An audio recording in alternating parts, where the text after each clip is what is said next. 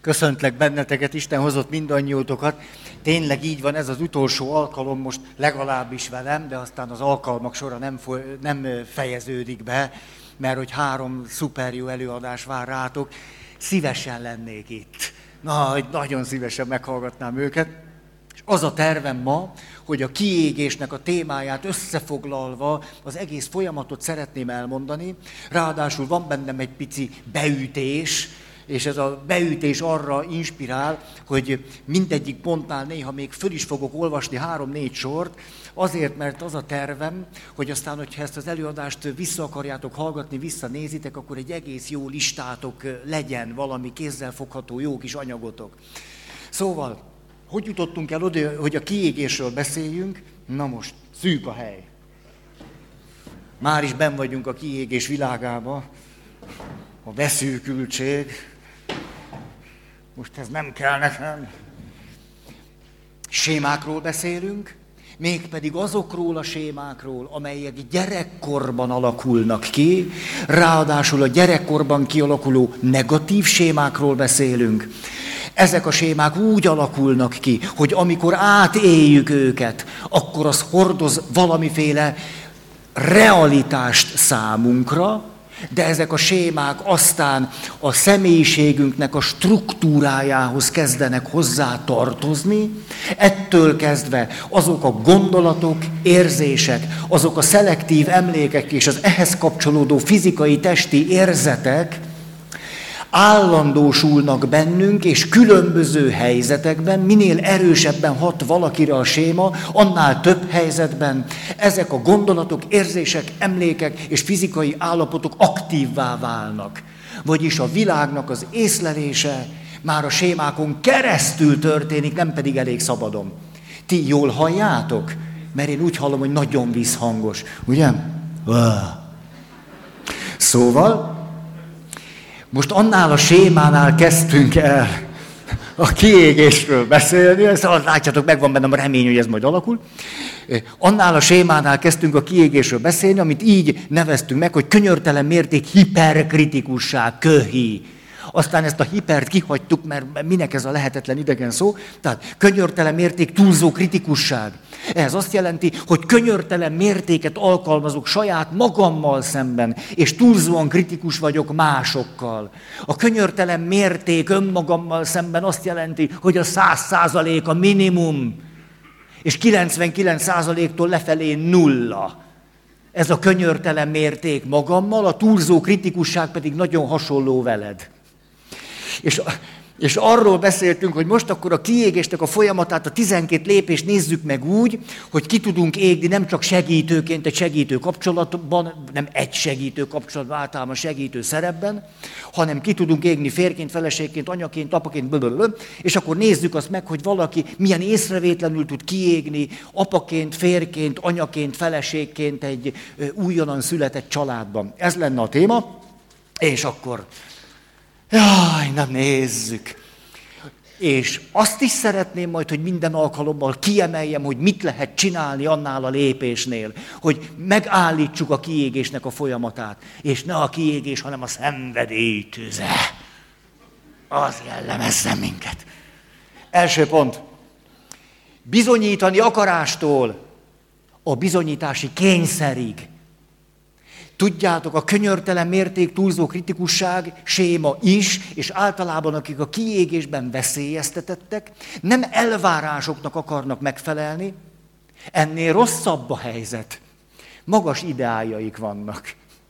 Erről nem azt akarom mondani, hogy ne legyenek ideájaink, hanem hogy elég szabadon viszonyuljunk az idájainkhoz. Legyenek idájaink, de az idájainkhoz való viszony legyen elég szabad, mert ha nem elég szabad az ideálokhoz való viszony, akkor azt elvárásként támasztjuk magunkkal szemben, meg a környezetünkkel szemben. És azt mondjuk, hogy a tökéletes a minimum.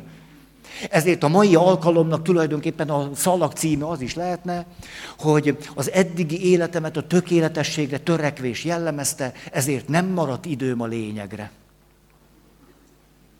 Mondjuk magamra. Vagy arra, hogy valakit szeressek. Vagy elég önfelett legyek, vagy boldog. Erre már akkor nem marad se idő, se energia. Az első gondolat tehát így szól, hogyan kezdünk el a kiégés útjára lépni, hogy vannak ideájaink, nagyon is igényesek vagyunk, sőt, sőt, könyörtelen mérték túlzó kritikusság, és nem egyszerűen csak egy jó feleség szeretnék lenni, és egy nagyszerű anya, jó férj és egy igazi, igazi nagyszerű apa, hanem miközben erre törekszem, ez teljesen rendben is van. Szabadon csinálom. Aközben újból és újból eljön egy pillanat, amikor elvesztem a belső szabadságomat. És attól kezdve ez a mondjuk így, hogy tökéletességre törekvés, vagy ideálok megvalósítása már nem szabadon történik. Tehát nem az ideál a probléma, hanem a hozzáfűződő viszonyom nem elég szabad. Nagyon hasonlóan ahhoz, hogy akkor egy párhuzamot hozzak, amit múltkor is említettem nektek, milyen sokan vannak ifjú nők, akik ifjúságunkban egyszer csak úgy lerogynak egy sárgalábú székre. Jó? Igen. És azt mondják, nekem most lett elegem az alkalmazkodásból. Elég. Nem fogok állandóan mások kénye kedvére kiszolgáltatva lenni, hogy így csináld meg, úgy csináld meg, hol a vacsora, meg hol a papucsom. Főleg a papucsom hol van, na ebből nekem elegem van. Én nekem kell tudni, hogy hol a te redvás papucsod. Kinek a papucsa? Te! Mi vagy te, kény úr, majd ennek most lett vége. És nagyon sokan azt mondják, abba hagyjuk az alkalmazkodást, mert szabadok szeretnénk lenni. Sok nőtől hallottam ilyesmit. Elegem van az alkalmazkodásból, mert szeretnék szabad lenni. Tulajdonképpen ez a saját helyzetünk félreértése. Mert nem az alkalmazkodás veszi el a szabadságunkat, hanem fordítva van. Nem tudok szabadon alkalmazkodni. A ifjú hölgyek szocializációja nem egyszer egy afféle alkalmazkodásnak a szocializációja, amelyben azon az áron tanultam meg alkalmazkodni, hogy magamat el kellett árulnom. Az önkifejezésemet és a szabadságomat nem volt szabad megélnem, azért, hogy alkalmazkodjak. Ezért, mikor valaki 30, 40, 50, 60 évesen föllázad, és azt mondja, elegem van az alkalmazkodásból, valójában nem az alkalmazkodásból van elege, hanem abból a fajta alkalmazkodásból, amit ő megtanult. És azt mondja, azt mondja, hogy nem alkalmazkodok többet. És ebben az a csavar, hogy rendben van, akkor nem alkalmazkodik többet, de ettől még nem lett szabad. Csak nem alkalmazkodik kényszerből. De még ettől szabad nem lett. Pont azt nem tudja elérni, amiért az egészet csinálja. Mert az a szabadság. Azt lehetne mondani, mikor azt mondjuk, hogy nem fogok alkalmazkodni többet, nem szabadabb lettem, hanem függetlenebb. Kétség kívül függetlenebb lettem, mert most már nem hallgatlak meg, vagy az időt nem adom neked, vagy az energiáimat nem fordítom rá. De nagyobb lett a függetlenség. A szabadság szintem egyáltalán nem lett nagyobb. És ugyanezt mondhatjuk a kiegészítő értékéről, amikor valaki fölismeri, hogy ő elég szabadon nem tudja saját magát kifejezni.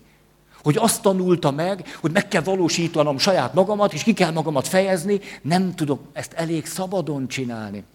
Oké, okay. az első gondolatát így szólt, hogy azoknak a pontoknak, pillanatoknak, a helyzeteknek a tűzúrás élességi fölismerése, amikor elvesztem a szabadságom.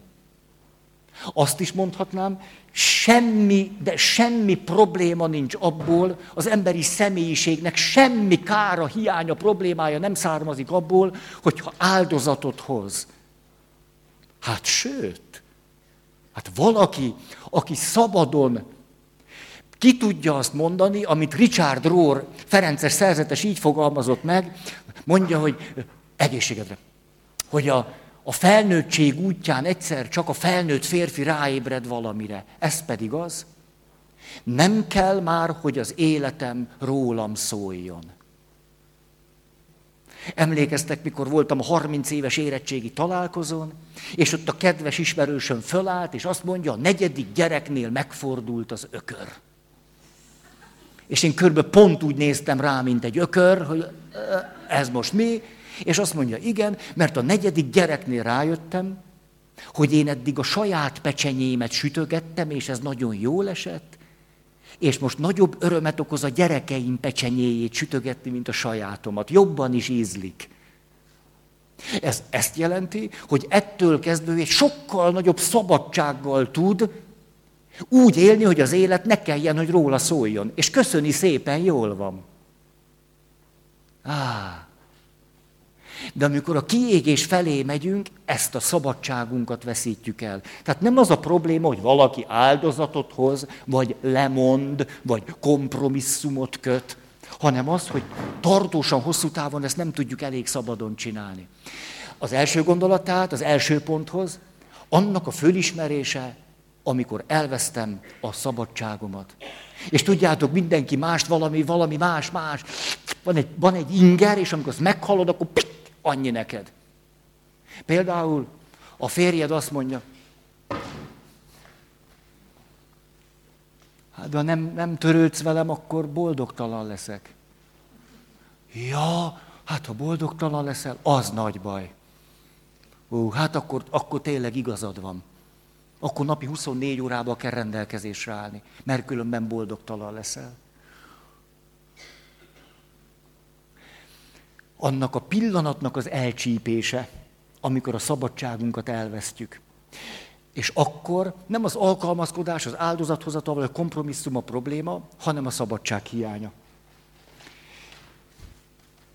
Azt mondja, mi az, amit ilyenkor tehetek? A kényszer felismerése, a saját életünk tiszteletben tartása, hogy egyáltalán nekünk van olyanunk, hogy szabad, hogy legyen az, hogy saját élet egy kapcsolatban. Hogy nem kell mindig a miben lenni, hanem szabad, hogy úgy legyen, hogy én, meg te. És hogy egy szabadságban vagyunk abban, hogy néha itt vagyok, hogy én meg te, néha ott vagyunk, hogy mi. Néha mi, néha én meg te, és ebben elég szabadon tudunk jönni, menni. Ah. És emlékeztek, volt itt valami, hú, nézem az időt, Hi, jaj, tényleg? Hm. Hogy a jó segítő három szerepe. Emlékeztek erre? Itt van a grandiózus segítő. Azt majd én megoldom. Pff, nincs az a... Ha napi 24 óra, 24 óra. 25-öt is tolok, ha kell. Itt van az ember, és itt van a szakértő. És emlékeztem egy, egy négy hónappal ezelőtt, egy piszok kérdést tettem föl nektek, hogy amikor valaki elindul a kiégés útján, melyik szerepével van probléma. Hogy nem tud magán segíteni. Hát kétség kívül nem segít magán. Szép lassan elkezd rosszul lenni. Melyik szerepével van probléma? Grandiózus segítővel? Az emberrel? Szakértővel? És talán emlékeztek, az volt a trükk, hogy egyikkel sincs problémája. A problémája az, hogy sosem lesz saját magának a kliense. Hogy ide mindig csak másokat ültet be. A gyerekét, az édesanyját, az anyósát, a férjét, a társát, a feleségét, a barátját, ezt a három kompetenciáját mindig csak másokért használja, és nem használja magáért őket. Nem, a háromszék szuper jó. Csak ő nem ülött soha hogy magáért dolgozna ez a grandiózus segítő, az együttérző ember és a dolgokat tudó szakértő. Hm? Ez volt az első. Le is ülök. Második. Elvesztettem a szabadságom, megjelenik egy fokozott terhelés, egész nyilvánvaló, és ilyenkor a fokozott terhelésre hogy válaszolok? Fokozott erőfeszítéssel. Nyilvánvaló. A fokozott erőfeszítés túlterheltséget okoz, de most jön a csavar, ezt a túlterheltséget megmagyarázom magamnak, és azt mondom, hogy ez teljesen rendben van. Ez így teljesen oké. Okay. Teljesen. Hát ismerem én a szakirodalmat, de hát Magyarországon vagyunk. Na. Tehát a szakirodalom zömében mindenféle nyugati országokban született, ahol ugye megengedheti magának a segítő, hogy itt-ott pihen, meg a férj, hogy nem tudom, mit csinál. Jó, hát Magyarország, gyerekek, Magyarország. Azért ne. Hát itt mindenből gyököt vonunk, hogy úgy mennyi pihenés, meg mennyi szabadidő, meg ilyesmi. Jó, hát szóval azért maradjunk a realitásnál. Ez azt jelenti, hogy azáltal tesszük elfogadhatóvá a túlterheltséget, hogy azt valamilyen oknál fogva saját magunknak is meg tudjuk magyarázni. Például azt mondjuk, hogy hát szól, ez egy nemes ügy. Ez nemes ügy. A nemes ügy a társkapcsolatban hogy szól? Szentségi házasság. Hát annál nemesebb kapcsolat, ugye, társkapcsolat, na, na, szentségi házasság. Hát ennél az lehet mondjuk a, a szentségi házasság úgy, hogy a férfi görög katolikus pap. Na az még egy picit... Ott, ott érzek én is egy többletet, hogy tényleg... Egy szentségi házasság egy fölszentelt pappal, na az, az, az aztán a legnemesebb. És most tényleg most néha úgy van az, hogy csak úgy elkezdek valamiről beszélni, de most eszembe jut, hogy tudjátok, meghívtak néhány évvel ezelőtt görög katolikus papnék. Ők nők is, de most a né az érdekes, és megkérdeztem tőlük, nézzétek, miért hívtok meg egy latin papot, görög katolikus papnénőként? Mit, mit vártok tőlem? És Kedvesen rám nézett ott az egyik, aki benne volt a konspiráció, vagy engem hívjanak meg. Ott egy egész napot eltöltöttünk, és azt mondja, azért, Feri, mert te se vagy normális úgy, mint mi. Hogy nekünk egy nem normális ember kell. Mert az a helyzet, amiben mi találjuk magunkat, hogy legyél tökéletes feleség, tökéletes anya, tökéletes papnő, tökéletes papné, mert szentségi házasság egy fölszentelt pappal. Van, akit pusztán ez a tény már kiborít a szabadságából. Ha már nem tud szabad lenni, et, et, pusztán attól, hogy egy ilyen helyzetbe került. Hmm, most mondjuk így elegánsan, az időszorítás miatt ezt a témát nem bontom ki jobban. Tehát ez a második fokozott erőfeszítés, amit megindoklunk magunknak, hogy az nemes ügy, az úgy van, az rendes, azt így kell csinálni. Hmm. Jól van. Mi az, amit lehet tenni? Amit lehet tenni, hogy fújok egyet, és édesanyaként a következőt mondom. Kétség kívül, mikor hallom a gyerekemet sírni, azon nyomban rögtön mindent le kell rakni. Rögtön egy másodpercet nem lehet, hogy mindig itt, itt kell, hogy legyen, mindig itt kell, mindig velem kell, napi 24 óra, másfél éve csinálom. Mi az, ami segít? Hogy ezt a feladatot valakinek egy rövid időre átadja. Azt mondja, hogy kétség kívül ringatni az apja is tud. Na, soha nem ringat majd úgy. Le is jövök. Tehát most én, mint gyakorló édesanya ezt tudom. Egy férfi soha úgy nem ringat. Na. A gyerek sírás hangja az az inger, amikor a szabadságomat elvesztem. Az az inger. És ettől a pillanattól kezdve nem vagyok elég szabad, de nagy dolog, ugye így mondja a szakirodalom, hogy valamilyen feladatomat delegálom. Hmm. Amikor valaki könyörtelen mérték, túlzó kritikusság nyomása alatt akar jó édesanya lenni, akkor ebbe bele fog fulladni, az teljesen biztos. Ráadásul a szakirodalmat is ismered, annyi neked. Hát annyi neked. Hát tudjuk jól, mikor valaki valamilyen ilyen lélektani képzésen vesz részt, mi szokott lenni? Elmondják, borderline személyiségzavar. Ú, de jó, nem is nézek sem, mert hát most, most ismerem föl magamban. Hát tényleg, bennem is vannak hangulati ingadozások, tényleg, tényleg, néha szeretek valakit, ugyanazt aztán nem szeretem, ú, de gáz. Következő alkalommal mondjuk valami kényszeres személyiségzavar, vagy valami már. Te jó ég, hát ő. Hát ma is visszamentem megmosni a kezem. Hát ó, ó, most ez is.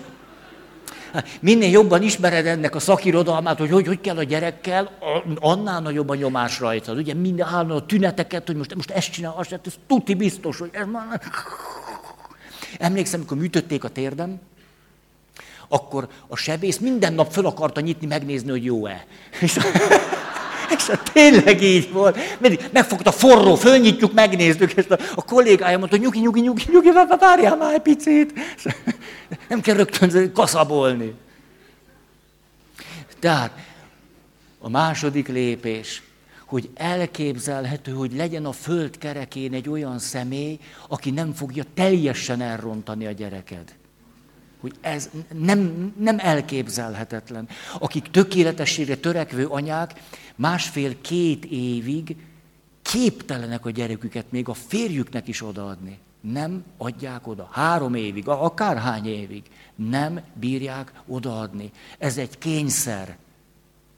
Amit magunknak úgy mondunk el, hogy én jó anya akarok lenni. És akkor, mikor jó, hát el, elmehetnék esetleg egy, egy egész picit a férjemmel, csak egy egész picit, két nagymama vigyázna rá, meg három nagypapa, Hát manapság nem egy olyan nagy szám, három-négy nagypapát begyűjteni, hát nem már, egy nagypapa, hát már régen nem ott tartunk, tehát már van négy nagypapa, ők strázsát állnak minden szobában, egy nagypapa, hogy hát amerre a gyerek kúszik, ott mindig találkozik egy nagypapával, hát az kell is. És akkor erre a kedves édesanyja azt mondja, de ezt hányszor hallottam, tudjátok hányszor hallottam? Hogy azt mondja, jó, hát persze, el tudnék akkor a férjemmel menni, de úgyse bírnék ráfigyelni. Ez a szabadság hiánya. Van egy belső kényszer. Nem képes semmilyen feladatot, munkát delegálni. Vagy például az a feleség, mikor mondja, hogy, hogy, hogy de alig várom, hogy a férjem megjöjjön, mert rá kell ömlesztenem. Tudjátok, ahogy, ahogy John Gottman mondja, durva nyitás után elárasztás. Az, mikor egy nő egy durva nyitás után elárasztja a férjét, egy százalékos, egy százalék esélyük marad, hogy abból a beszélgetésből valami lesz. Hát tulajdonképpen kb. két perc alatt agyon tudunk csapni egy estét, és megkérdeztem tőle, de az nem volna lehetséges, hogy ugye van itt egy, ez egy akkor egy cunami, hogy mondjuk ez darabokra szeded, kis cunokra, és a, de tényleg egy mentsége van, hogy ezekre nem készülök előre, hogy nem tudom, láttok-e, hol ott vagyok, csak ha itt vagyok, én nem látlak titeket. Tehát cunok az azt jelenti, hogy vannak nekem cunci barátnőim. És ezért egy csomó érzést, meg ilyen ventillálhatnékot, meg az indulathatnékot, meg mindenfélét, ezt azt elosztogatom a barátnőim felé, miközben nem kell a férjemet kiadni, beszélhetek nyugodtan magamról, és ezért marad az eszencia, ezt nyújtom át. És akkor erre tulajdonképpen ugyanazt a logikát hallom, mint ahogy azt a gyereket nem adhatom senkinek oda, ezt, de nekem ezt a férjemmel kell megbeszélni. Mindent elejétől a végéig, az összes indulatát kizárólag neki. Hmm. Jól van. Illetve hát nem tudom, hogy jól van. Tehát delegálás. Következő, a félelmeinkkel való szembenézés. Itt irreális félelmek jelennek meg. Ha a gyerekemet másik kézbe adom, akkor tudjátok, életem egyik legszebb élménye, hogy kereszteléskor ott volt a pici baba, és tartotta az édesanyja. És aztán valahogy kicsi gyerek ott kapálózott, meg nyújtózkodott, odaadta az apjának. Az apja odaadta a keresztanyának, a keresztanya odaadta a keresztapának, majd elkezdték hátra nyomni a nagyszülőknek. És mondta meg, ez iszonyatosan tetszik nekem, hogy a gyerek mindig valaki másnál van, csak mikor megkenném olajjal valahogy érjem el. Hogy, hogy akkor mindig tolják vissza, és akkor utána aztán nyugodtan kalandozhat az a gyerek. És tudjátok, volt egy ilyen, ez valódi, egy arhaikus törzsben, hogy a gyereket egy hónapig nem tették le, Egy hónapig nem volt szabad a pici babát lerakni, na de hát értitek, hogy egy hónapig nem a pici, az édesanyja tartotta. Járt a baba kézből kézbe, mindig valakinek odaadtak, mindig kicsit szeretgettek. Na, természetesen senki olyan jól nem fogja csinálni, mint te. Na, hát azért az alapok megmaradnak. Ez nyilvánvaló, de a gyereknek koszt is kell lennie, tudjátok. Tehát akkor végül is az apa is azt a kosz mennyiséget majd átadja neki. Jó, félelmekkel való szembenézés. Igen, különböző megkülönböztetések, mi sürgős, mi fontos, mi fontos, mi lényeges, mi lényeges, mi lényegtelen. mm, a végemet járom. Tényleg. És ami még, júj, kéne nekem valami innivaló. Ha. Tényleg. Azt mondja, hogy addig mondom tovább, hogy amit ér, köszönöm, de én akkor bele fogok nyálazni. Nyugodtan. Az amilázakkal telíthetem ezt a... Köszönöm, köszönöm. Ha nagyon nem bírom, akkor iszom belőle, jó? De... Igen, igen, láttam, nagyon köszi. Jól van. A... Ide tartozik még az, hogy megpróbálok reflektálni a jóhoz fűződő viszonyomra. Mert nem csak a rosszhoz fűződő viszonyom lehet problémás, hogy valami rossz szokás, vagy valami rossz dolog eluralkodott rajtam, és az irányít, hanem a jóhoz fűződő viszonyom is lehet problémás. Sőt, tulajdonképpen az a benyomásom, hogy mi úgy általában többé-kevésbé rendes emberek vagyunk, még engemet is beleértve. Ezért, amivel a nagy bajt tesszük, ha teszünk ilyet, az nem, nem a rosszaságunk, hanem a jóhoz való rendezetlen, elvakult viszonyunk. Hogy csak így lehet, csak ez a jó, csak, és, és. Oké. Okay. Harmadik pont. A harmadik pontban ugye a fokozott erőfeszítésekkel nem oldom meg a tökéletesség problémáját, ez nyilvánvaló, ezért el kell kezdenem elhanyagolni a saját igényeimet. Nyilván innen tudok még plusz időt és energiát szánni a munkámra, az anyaságra, a feleségeskedésre, a férjeskedésre és a többi. Nem is ragozom ezt, hogy mi az, amit ilyenkor kezdhetünk és csinálhatunk valamilyen relaxációs technikát megtanulhatnánk. Hogyan tudunk pihenni, regenerálódni viszonylag kevés idő alatt. Aztán stresszkezelő technikák elsajátítása. Annyira bennem van ez, jártam pszichoanalízisre, és egyszer telefonáltam a pszichoanalítikusnak, és a felesége vette föl a telefont, már nem tudom miért telefonáltam neki, és mondtam, hogy hát adja már nekem, legyen szíves az analitikus. Azt mondja, éppen relaxál. És a nagyon nagy dolog, hogy én őt fölhívtam, de amikor a férjem relaxál, akkor relaxál. És hogy legyek szíves 25 perc múlva hívni. Ah, ah, hát ez nagyon köszi.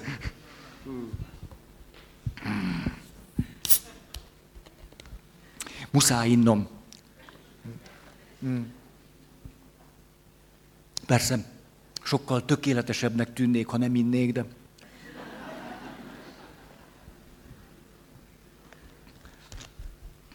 Szóval, elrejtem ide. Így. Nagyon köszönöm.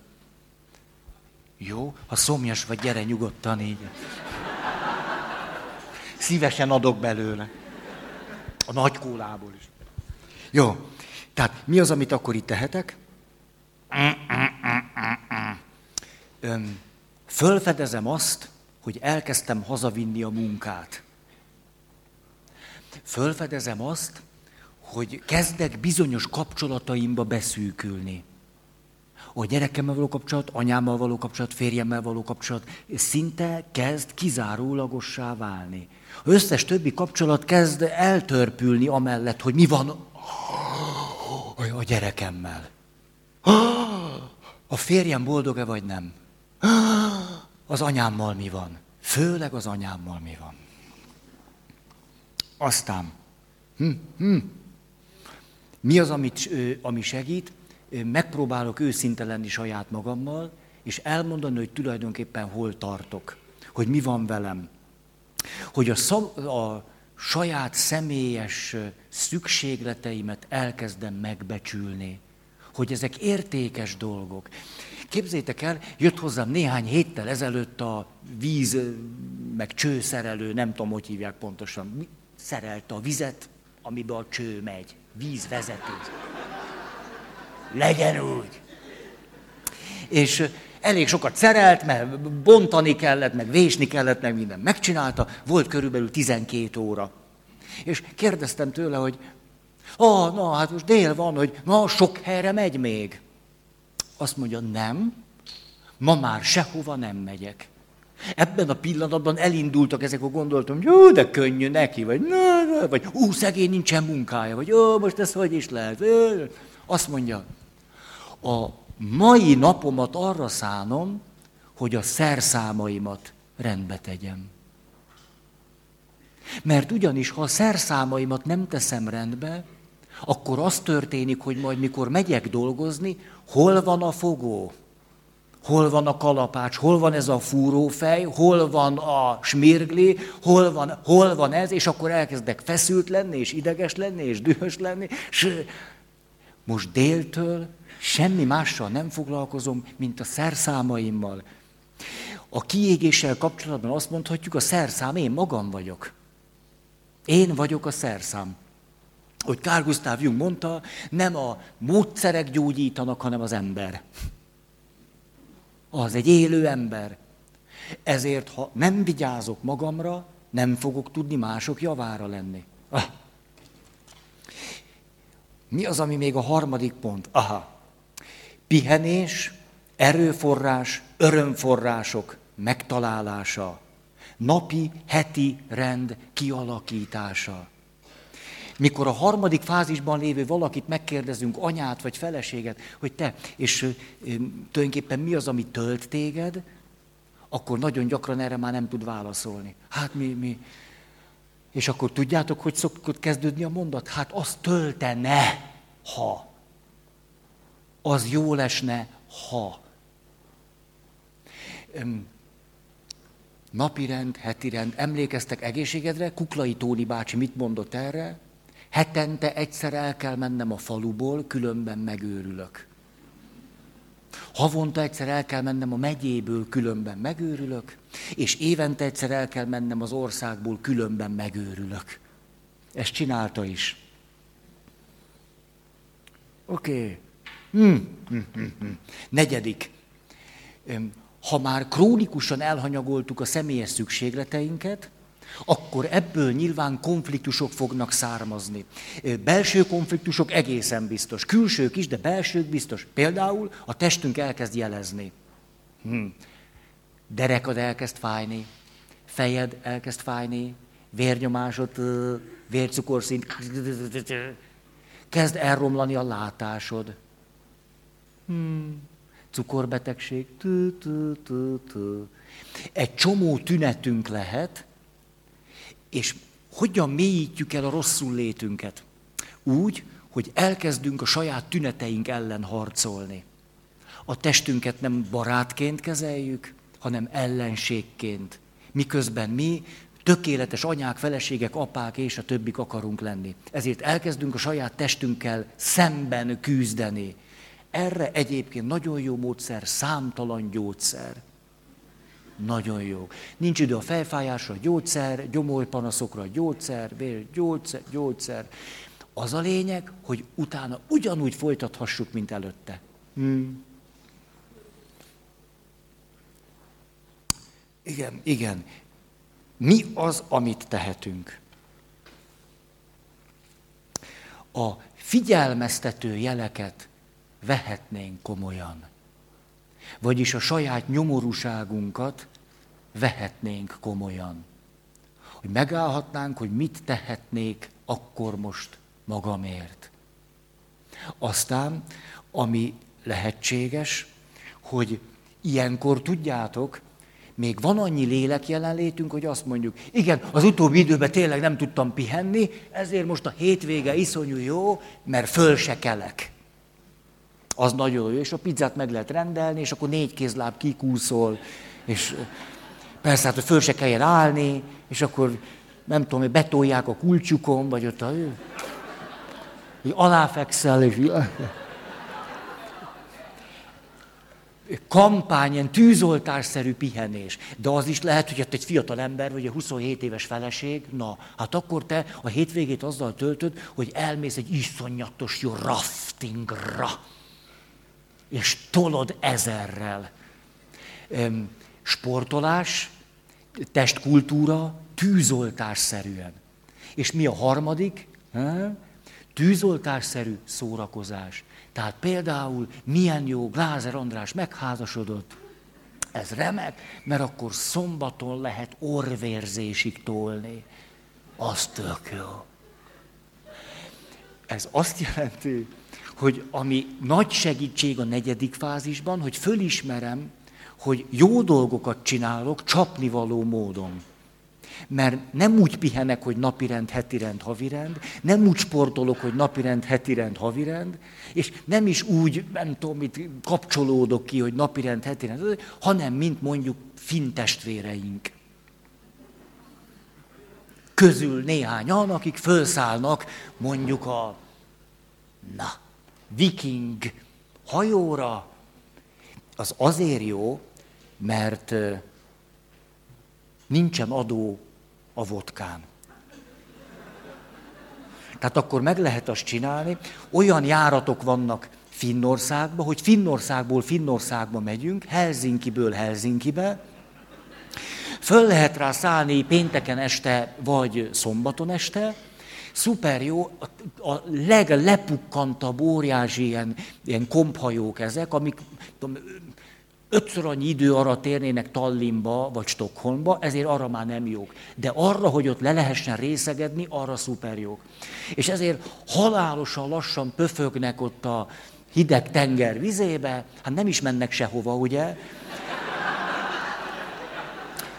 Pontosan ugyanúgy, mint az, azok, akik ott isznak a, az ájulatig. Tudjátok, hogy például a finn ivási szokások egyik fő csapása, hogy ha már iszunk, akkor ígyunk. És akkor eszméletvesztés. Minden hétvégén eszméletvesztés. Jó. Jó, mi az, ami még segít? Ha, az önmagunk iránti felelősség tudatosítása. Ahogy a kedves pszichológus ismerősöm mondta, Feri, ha nem vigyázol magadra, más nem fog. Ez nem azt jelenti, hogy nem szeretnek mások, de hogy a saját felelősségemet saját magamért nem tudom lerakni, illetve azt a felelősséget, amit, amit én kaptam saját magam élete felé, azt más nem tudja viselni, csak én. És ha én lemondok róla, akkor annyi nekem. Hmm. Hmm. Igen. Jó. Hmm. Ötödik pont. Nézem, bele kell férni. Az értékrend megváltozása. Emlékeztek, itt mondtam azt, hogy az értékrend megváltozása nem elméleti, hanem gyakorlati. Elkezdek úgy élni, úgy gondolkodni, érezni, cselekedni, olyan szándékaim lesznek, amelyek ellentétesek azzal, egyébként ezt pont itt mondtam, mikor itt voltunk. Most eszembe jutott, ebbe a terembe mondtam. Pontosan ellentétesek azzal, ami egyébként a saját hitvallásom. Elkezdek szembe kerülni saját magammal. Azért lettem orvos, hogy betegeket gyógyítsak. De mikor látom a sort a váróba,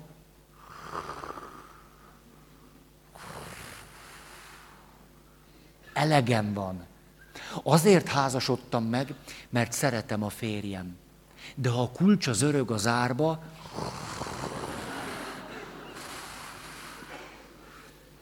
Azért házasodtam meg, mert az én drágámmal akartam élni. De ha az én drágám kinyitja a száját, mm, egészen ellentétes érzések, gondolatok, szándékok és minden jelenik meg bennem, mint ami egyébként a hitvallásom. És mikor egy picit magamhoz térek, akkor még vissza tudom idézni, hogy miért házasodtam meg. Csak mikor benne vagyok, már nem jön elő.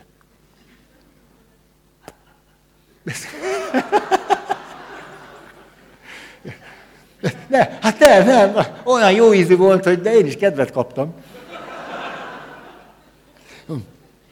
Mi az, amit ilyenkor megteszünk, az értékrend megváltozása, egyszer csak elkezdjük fölfedezni, hogy tulajdonképpen elhanyagoltuk a barátainkat is. Hogy kibillentünk azokból az emberi kapcsolatokból, amelyek ezekben a helyzetekben erőforrássá lehetnének. Tehát például, és egyébként ez e, joggal nehéz helyzet. Mondjuk nem egyszer megéltem ezt, hogy fiatalok társasága, megvannak a jó baráti kapcsolatok, és azzal, hogy valahol baba születik, észrevétlenül kicsúszok ebből a közegből. Mert ők még bulizni járnak, de én már nem járok, az a témájuk, hogy hova érdemes elmenni nyáron, de nekem már nem ez a témám. Az, ami nekik probléma, nekem gyakorlatilag már nem probléma, és ami nekem nagy témám, azzal nem is akarnak, meg tudnak mit kezdeni. Észrevétlenül kicsúszhatunk nagyon fontos emberi kapcsolatokból. És az elején azt mondjuk, hogy ez teljesen rendben van. Hát ott van a férjem, ott van a feleségem, született a baba, tulajdonképpen az anyámra tudok támaszkodni, ez rendben van. Egy évig.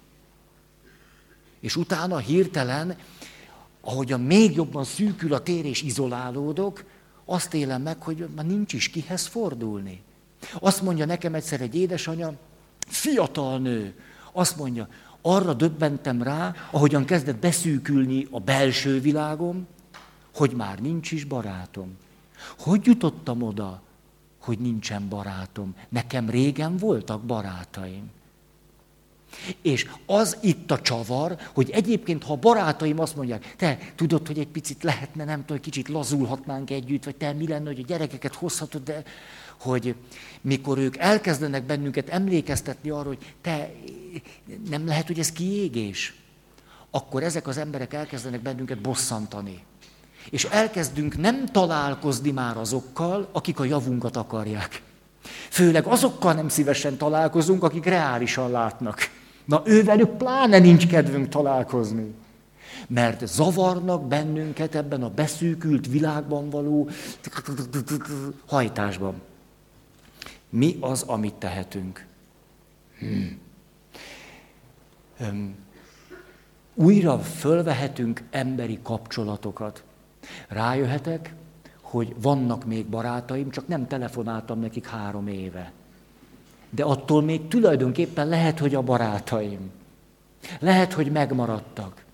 Fölveszek újra emberi viszonyokat. Például ezért most csak egy párhuzamot hadd mondjak, hogy megtérés élményt, hatalmas Isten élményt átélt személyeket követtek, és arra voltak kíváncsiak, hogy az élmény hatására két, négy, hat, nyolc év után hányan vezetik az életüket. Hát abban az értékrendben, ami az élménynek az értékrendje. Tudjátok a százalékot, ugye? Ezt szerintem két évenként el szoktam mondani. Néhány év múlva tíz emberből már csak kettő. Ez azt jelenti, hogy ott van egy szerelmes pár, hatalmas élmény, hormonális boom, azt mondják, hát, hát ekkora élmény.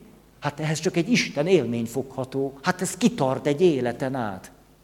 És eltelik két év, négy év, hat év, és megtörténik az izolálódás.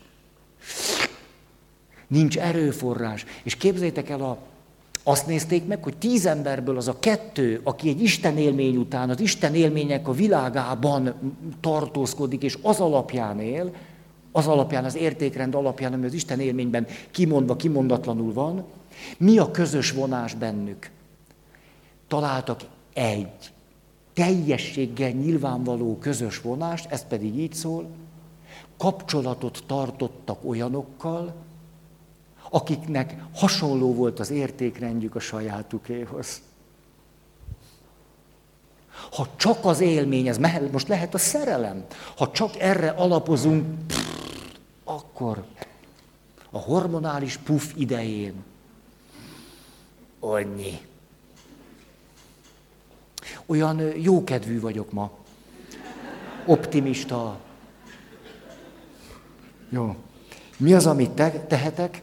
Hogy a személyes értékrendemet ütköztetem azzal, amit itt belül tapasztalok. És azt mondom, hogy na, nem akarok tovább így élni. Tulajdonképpen én mindig akkor szoktam elmenni a püspökhöz. Egészségedre. Tényleg időnként úgy azt mondom, na most lett elegem abból, hogy úgy élek, ahogy nem akarok élni. Olyankor el szoktam menni a püspök atyához, és elmondom, hogy most már úgy élek, hogy nem akarok élni, és ez már nem csak rajtam múlik. Tényleg így van, mert kiégni nem egyedül szoktunk, az mindig egy rendszerben történik. És eddig azt kell mondanom, hogy a püspök atya meghallotta szavamat. Tényleg ezt kell mondanom. Nem járok hozzá sűrűn, csak amikor már kezdek kiégni nagyon. Azt mondja. Oké. Okay. Hatodik lépés. A hatodik lépés az, hogy az értékrendem megváltozásából fakadó problémákat elkezdem tagadni. Azt mondom, nincs itt semmi probléma, csak egy picit össze kell szednem magam. Tulajdonképpen, ha egyszer kialudnám magam, minden megint helyreállna. Végül is hát szeretjük egymást, mert fél évente egyszer elmegyünk egy wellness hétvégére, és akkor megint jó lesz minden. Tehát tulajdonképpen nincs nagy baj.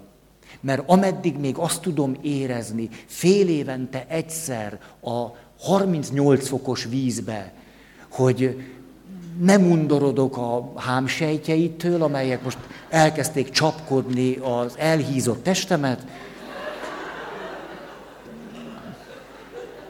addig, addig tulajdonképpen nincs nagy baj, tehát ez még mehet így tovább. Most de, de nem véletlenül mondtam az elhízott testet, ma mindjárt elérkezünk ide. Hm-hm. Jól van. a természetes kapcsolataink elkezdenek teherré válni. A gyerekeink kiborítanak, a férjünk megőrjít, az anyánk kikészít, a testvérünkkel már nem találkoztunk öt éve. Néhány év alatt létre tud jönni egy ilyen rendszer. Hmm. Ezt, igen, marad a rutin rutin. Tolni kell. Tolni kell, tolni kell. Mi az, amit tehetek? Ilyenkor már tulajdonképpen annyira rosszul szoktunk lenni, hogy már az nagy segítség, ha merünk beszélni arról, hogy rosszul vagyunk. Tehát ha kilépünk a tagadásból, hogy tulajdonképpen nincs itt baj, akkor valaki elkezdi mondani, hogy de tulajdonképpen meg vagyok ijedve hogy most már egyáltalán nem úgy élek, ahogyan akartam. És hogy ráadásul az egészségem is kezd rámenni, de nem is kicsit. És hogy ezzel most szeretnék valamit kezdeni, de azt hiszem, hogy gőzöm sincs, hogy mit kéne csinálni. Ilyenkor minden további nélkül reális, hogy azt mondjam, hogy nem tudom, hogy mit kell csinálni. Csak valamit kellene csinálni, de gőzöm sincs már, hogy mit. Ez a beszűkültség miatt van. Tehát ez az első, egyáltalán beszélni az állapotomról. A következő, ami ilyenkor már elkerülhetetlen, hogy a terhelést csökkenteni kell. Már nem, nem, nem lehet, hogy szedjük össze magunkat, nézzük pozitívan, meg félig tele van még az a pohár. Érted? Most nézheted nyugodtan, hogy félig tele van a pohár, a, például, kedves, na, ismerősöm azt mondja, én elhatároztam, hogy a gyerekeimet sosem adom bölcsödébe. Szerintem ez jó döntés. Ez jó döntés. Mert három éves korig, ha csak lehet, a szülő, édesanyja maradjon otthon a gyerekével. Ha csak lehet. Ez az édesanyja is ezt gondolta, azt mondta, ha csak lehet, maradok a gyerekemmel, ezzel három év, ez a mindennek az alapozása, ha csak lehet, ha csak lehet. Igen ám, de öt gyereke volt. És az első négynél mindig ott maradt, a három éves volt, általában szült is egy következőt. És amikor az ötödik gyerekénél egyszer csak elkezdett beszélni a problémáiról, mert akkor kezdett már teljesen kikészülni, akkor azt mondta, most ezt a jogos ideált, hogy én úgy terveztem, hogy én olyan, olyan édesanyja leszek, aki legalább három éves korig ott maradok a gyerekekkel, ezt most föl kell adnom.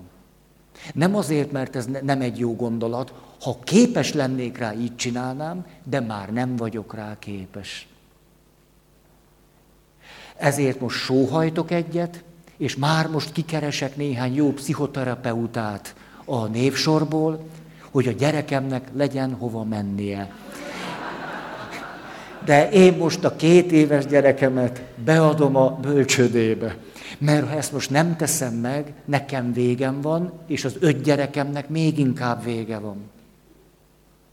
Tehát itt már nem, a szabad így mondani, nem lehet szórakozni, hogy jó, hát majd még egy picit. Nem, itt már, tudjátok, voltam Pannonhalmán néhány évvel ezelőtt, és akkor ott pont úgy volt, hogy élt még a, a, a, az öreg főapát, meg a fiatalabb főapát, meg mindenféle főapát, aspiránsok persze. És és akkor valahogy el, elkezdődött ez a beszélgetés, hogy mitől jó egy jó főapát, és hogy a főapátok milyen örökséget adtak át a következő nemzedék főapátjainak. És akkor az egyik főapát azt mondja, na én azt kaptam attól a főapától, aki már akkor még élt, amikor már nem ő volt a főapát. Azt mondja, ide figyelj, egyetlen dolog, ami igazán fontos, neked döntéseket kell majd hozni. Ezt úgy is tudod. Hát én azt mondom neked, ha le kell vágni a macska farkát, akkor nyisz.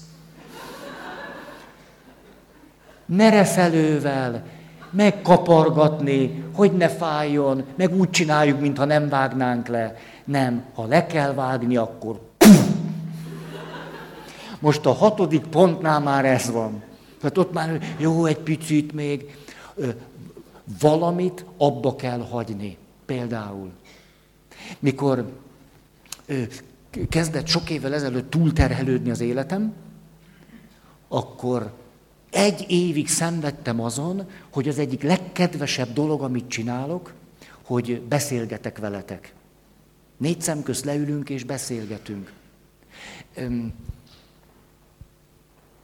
És akkor egyszer csak hoztam egy döntést, hogy ha ezt nem hagyom abba, ki fogok készülni. Hát csak, hogy ez az egyik legkedvesebb, nem tudom én, segítő része az életemnek. És mégis úgy kellett döntem, hogy ezt nem fogom csinálni, mert különben ki fogok készülni. És hogy ilyenkor milyen érdekes nyomást tud nehezedni, hogy valakinek mondtam, hogy most már ugye könnyen beszélek, most mondom, hogy öt éve nem, nem fogadok senkit, és akkor egyszer csak valaki visszajött, azt mondta, én elmentem egy pszichológushoz, és a pszichológus azt üzeni neked, hogy gondold ezt át. hát ez remek. És így lehet az első lépésbe becsavarodni, tudjátok. Hol vesztem el a szabadságom? Ja, a pszichológus azt mondta, hogy ezt gondolja, hát igaza van tényleg. Hát akkor gyere. Aha.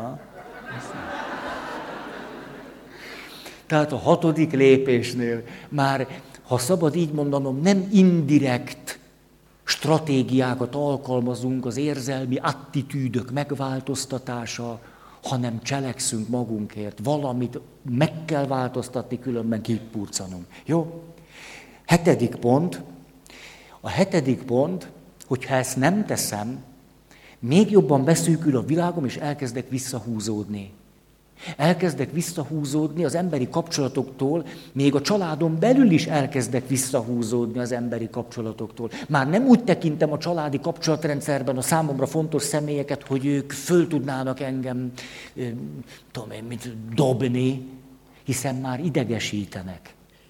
Ezért a legfontosabb személyektől is elkezdek tulajdonképpen visszahúzódni. Mi az, ami ilyenkor jellemző? Megerősödik bennem az agresszió. Az előző lépésekben inkább negatív érzések jelentek meg, itt azonban már az agresszió. Ez az, amikor a túlterhelt anya az első pofonját adja a gyerekének.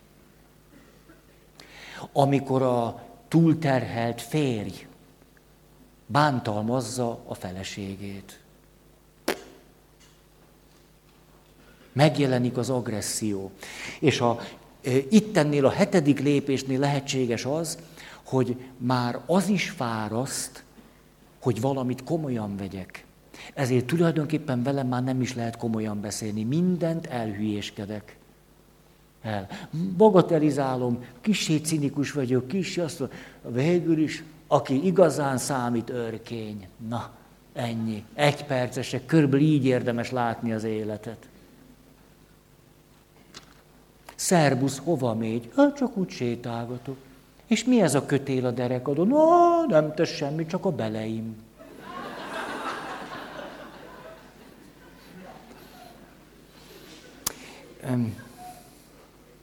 A,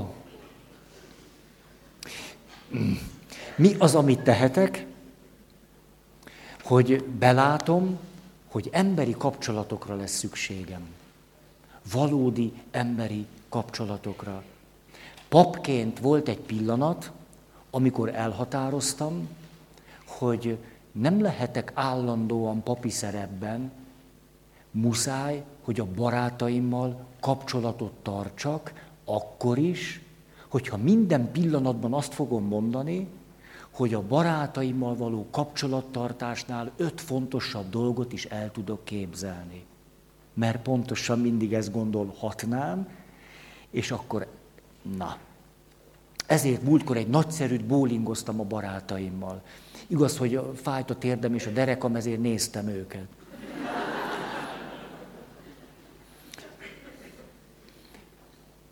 Visszahúzódás. Mi az, amit tehetek?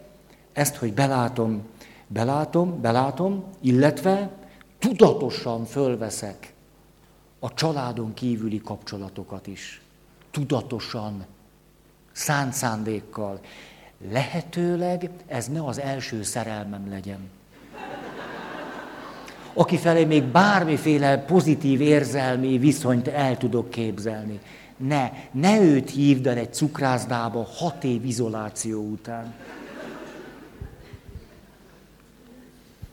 Következő, a nyolcadik lépés, hogy megváltozik a magatartásom. Már nem csak az érzéseim változnak meg, a gondolataim, az értékrendem, hanem megváltozik a cselekvésmódom. A pozitívumok már nem jutnak el hozzám, nem hallgatok külső szavakra, bármiféle óvó, reális szó már csak bosszant és idegesít. Megjelennek váratlan magatartásformák. Ezek a váratlan magatartásformák például valaki csont és bőr a túl feszi, feszítettségtől, és miközben ilyen viaszosan sárga az arca, tulajdonképpen az, nem az öv tartja a gatyáját, hanem a medence csontja tartja ezt az egészet, ami itt van, ránézel és rosszul vagy, és akkor gyullad már csak fény a szemében, amikor elmondja, éppen most fejezett be egy lébőjt kúrát.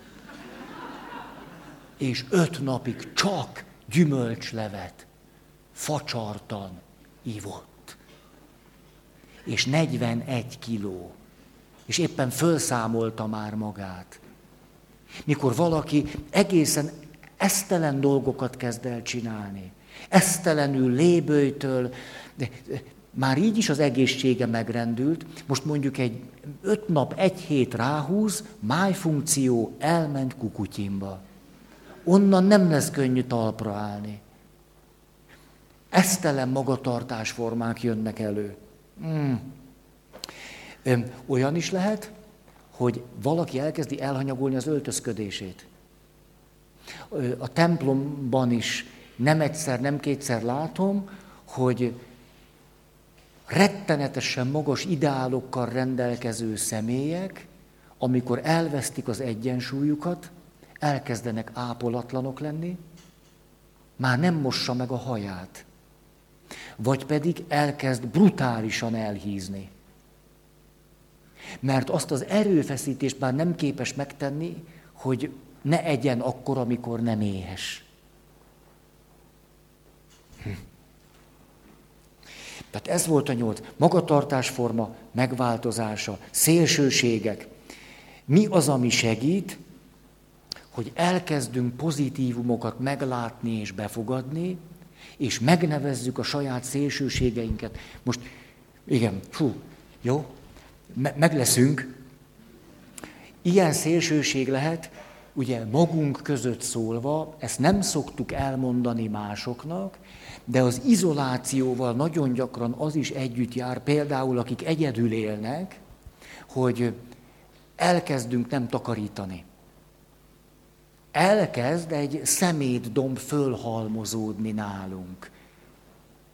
Hiszen a saját szükségleteinket már régen elhanyagoltuk, éppen mindig a fontos dolgok még azt csináljuk, és mikor hazamegyünk, akkor átállunk egy 0,001-es működésmódra. Tehát az, az már nem, nem... Tehát tulajdonképpen ott, mint egy, mondjatok valamit, egy, egy állat, ami egy... Ott, mondjad? Lajhár. Az elég sokat mozog még, még. még a, tehát a, az egyik magatartásforma, a, amikor radikálisan megváltozik, hogy elkezdesz kozban, mocsokban élni. Még arra van erőd, hogy lezuhanyoz, és úgy gyere ki. De az otthoni dolgokkal már egyáltalán nem foglalkozol. És elkezdenek kupacok halmozódni.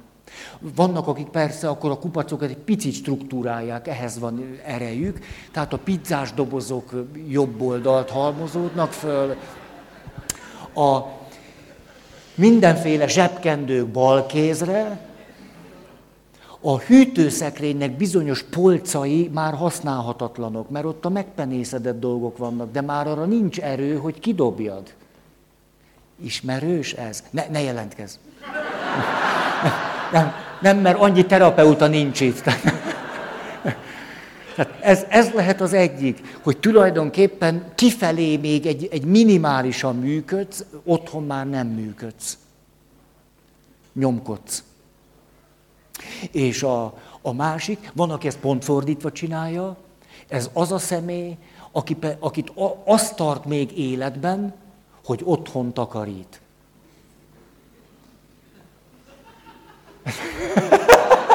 De, igen, igen, igen, nem mindenki ugyanott nevetett. A...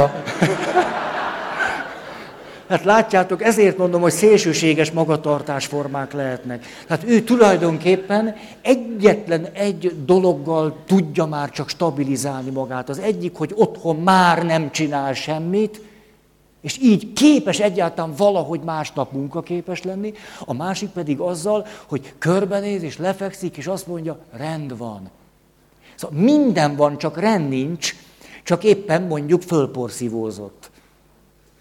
Tehát rendes a lakása, de rend az egyáltalán nincs az életében. A legnagyobb káoszban él. De a lakása tényleg tiszta.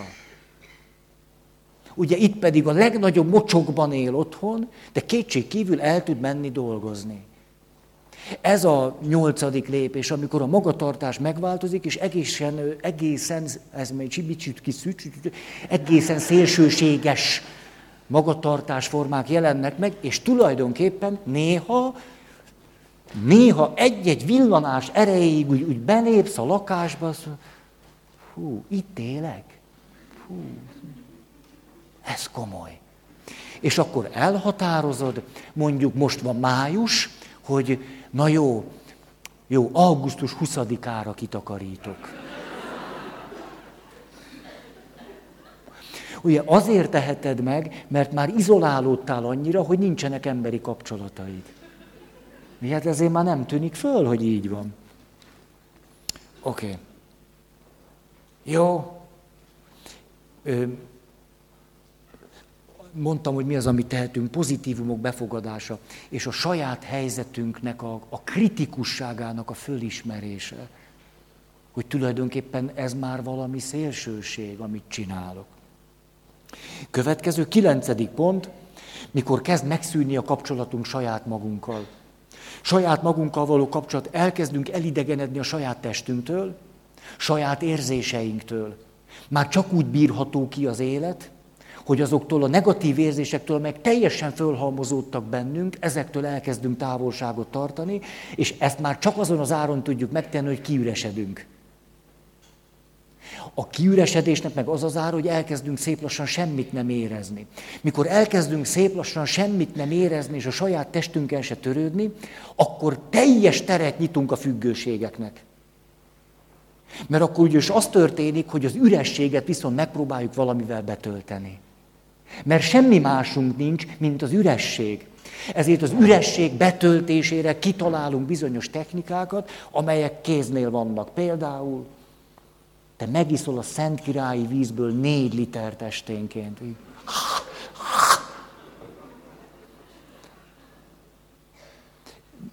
Mm. Alkohol, az ürességet betöltünk alkohollal. Az ürességet betöltjük filmnézéssel, az ürességet betöltjük pornófüggőséggel, az ürességet betöltjük, mit tudom én, szexuális kalandokkal, az ürességet betöltjük. Szerencsejátékkal. A kedves ismerősöm sportfogad. Sportfogad. Fél évente körülbelül csinál két-három milliós adósságot. Tulajdonképpen azt a belső ürességet, amiben van, annak az izgalma képes egy, egy picit elviselhetővé tenni, hogy, hogy izgul és tapad a, meccsekre, hogy, hogy, hogy mi van. Kettő null, nem igaz, nem igaz, mit csinál a Juve? És ez valahogy egy picit ezt az ürességet... Na. Uh-huh. És az ürességgel együtt elkezdünk közönösek lenni, Nézd, elvesztettem egy lapot. Na, én nem vagyok az a nagyon rendes, ugye? Az a... Én a stabilitásomat nem szoktam porszívózással helyreállítani. Ez most ké- napnál is világosabban kiderül. Mi az, amit tehetünk? Segítségre van szükségünk annak a belátása, hogy innen a magunk erejéből nagy valószínűséggel nem fogunk kijönni. Segítségre van szükségünk, valamilyen szakszerű segítségre. Illetve öm, elkezdünk, megpróbálunk visszatalálni a saját eredeti érzéseinkhez. Hogy tulajdonképpen a kiégésnek a negyedik, ötödik fázisában még tudtam dühös lenni. Most már az se vagyok. Már csak a meccs számít. Már csak a film, már csak az alkohol, már csak a kaja, már csak a... Hogy ennél az állapotnál még a negatív érzések is jobbak. Mert azokban legalább benne vagyok. Ezek persze félelmet keltenek majd. Nem akarom őket átélni, hiszen éppen abból menekültem az ürességbe. Ezért lehetséges az, hogy szükségem van valakire, aki ott van akkor, amikor elkezdek rosszul lenni. Mert ehhez képest az üresség egy picit könnyebb.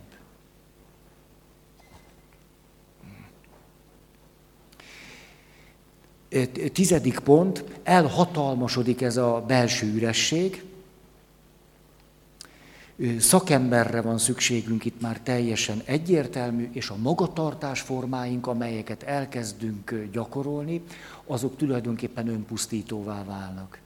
Ebben az egy megrendítő dolog számomra, hogy amikor a kiégés folyamatában önpusztító magatartás formáink lesznek, tulajdonképpen az olyan, mint az emberi lélek utolsó segélykiáltása a realitásért hogy szembesítsen magunkat azzal, hogy egy önpusztító életmódban vagyunk benne. Hogy végre valahára ezt ne tagadhassuk le, hogy ez tényleg így van. Ezért az önpusztító magatartásforma nem csak tünet, hanem olyan, mint egy fölkiáltás, hogy a realitással merjek találkozni. Um, mm, Oké. Okay. 11. 12 pont van, de a 12. az már csak a vége. A 11. pont a depresszió. Belesüljedek a depresszió, a világ tulajdonképpen leszűkül egy ágyra, amiben fekszem. Ez nagyon szimbolikusan, nagyon jól kifejező, hogy hova, hova tudtam eljutni. Már csak az ágy az, amivel a kapcsolatot tartom. Volt egy olyan nagyon jóra való kliens, aki a depresszió fázisában még az ágyánál is kisebb dologra tudott leszűkülni, ez pedig a takarója volt. Azt mondta, hogy tulajdonképpen nem, az ágy az, az túl sok. Nem, az ágy nem is érdekes, nem, nem, nem tudom a figyelmemet egy egész ágyra fordítani. Tulajdonképpen a takarómra tudok figyelni, és egyetlen egy dolog van, ami segítséget nyújt nekem, hogy egyáltalán képes legyek élni, amikor a takaró alá bújok. Ez már a depresszió. Elég csúnyán. Egészen le és beszűkül ilyenkor a világlátásunk. Reménytelennek érezzük az életet. Azt gondoljuk, hogy innen nincs kiút hogy ennek vége van. A társkapcsolat folyamatában eljutottunk a védekező elhidegülésig.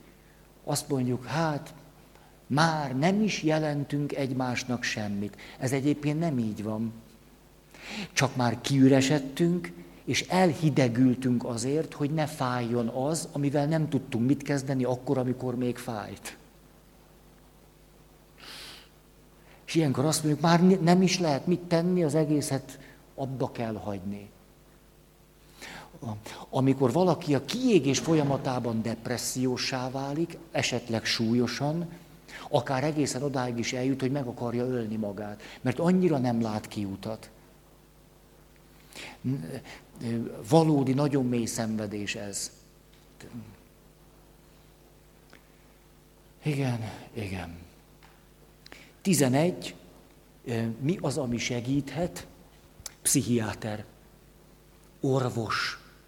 Ezekben az esetekben orvosság nélkül nem tudom, mondjuk így finoman, nem tudom, gyanítom, hogy nem.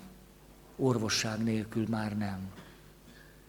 És egy olyan közeg nélkül, aki az én beszűkült lelki állapotomat látva, fokozott felelősséget vállal értem, mert én nem tudok már józanul saját magamért felelősséget vállalni. A, ilyen nagyon sajátos, nem tudatos és direkt öngyilkosság, amikor valaki ö, egy kiégési folyamatban ö, valami egészen esztelen sportba meghal autópályán száguldás közben meghal. Egy totál lerészegedés után egyszer csak annyi neki. Három napig nem alszik, egyszer csak a szíve. Te nem föltétlenül direkt módon oltjuk ki a saját életünket. Nem lehet, hogy még kitalálunk valamit, ami elegánsnak tűnik.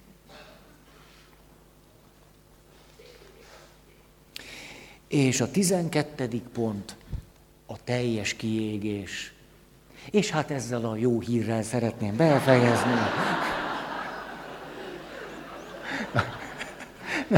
Nem, de sikerült végigmondani.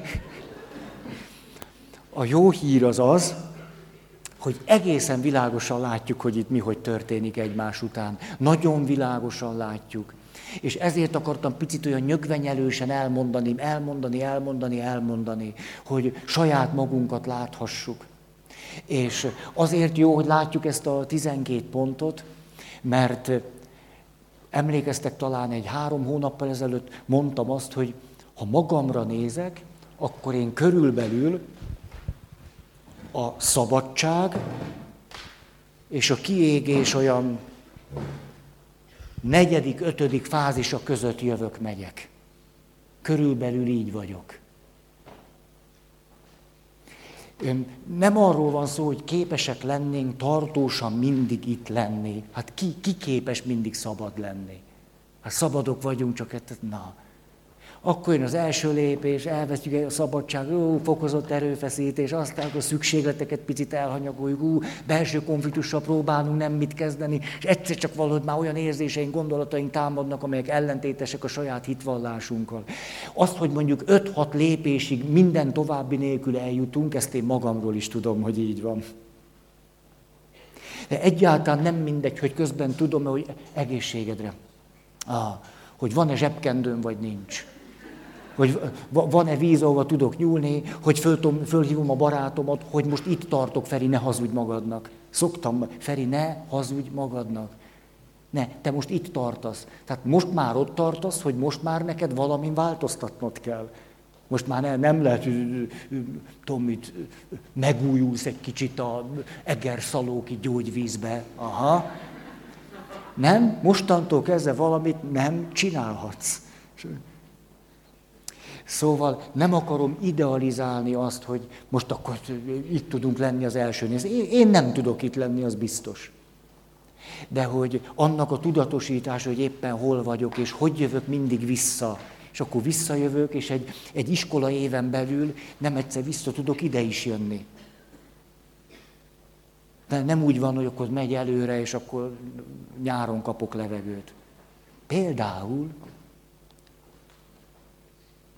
Arról nem is beszéltem, hogy amikor a szélsőséges magatartás formák megjelennek, azt megelőzi, tudjátok mi? Elkezdünk azon fantáziálni, mondjuk feleségként, hogy hú, azért a Hufnagel Pistivel minden más lenne. Elkezdünk férfiként azon fantáziálni, hogy tulajdonképpen lesz egy nap, nem szólunk senkinek, bepakolunk egy bőröntbe, és elmegyünk a Maldív szigetekre. Ismerősek ezek a fantáziák? Mikor ezek a fantáziák megjelennek, hogy valamit teljesen más életet fogok élni. Gyanús. Például egy ilyen fantázia, hogy én a Dürer rendezvény központot elhagyom, és én elmegyek az USA-ba. El, el. Ez egy fantázia. Kiégés ellen.